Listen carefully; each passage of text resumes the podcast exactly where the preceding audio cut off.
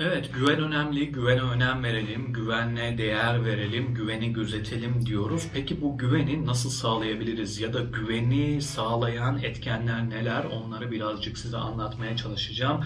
Aklıma bir şeyler geldi, buralara bir şeyler yazdım. O yazdıklarımı biraz size anlatmaya çalışacağım.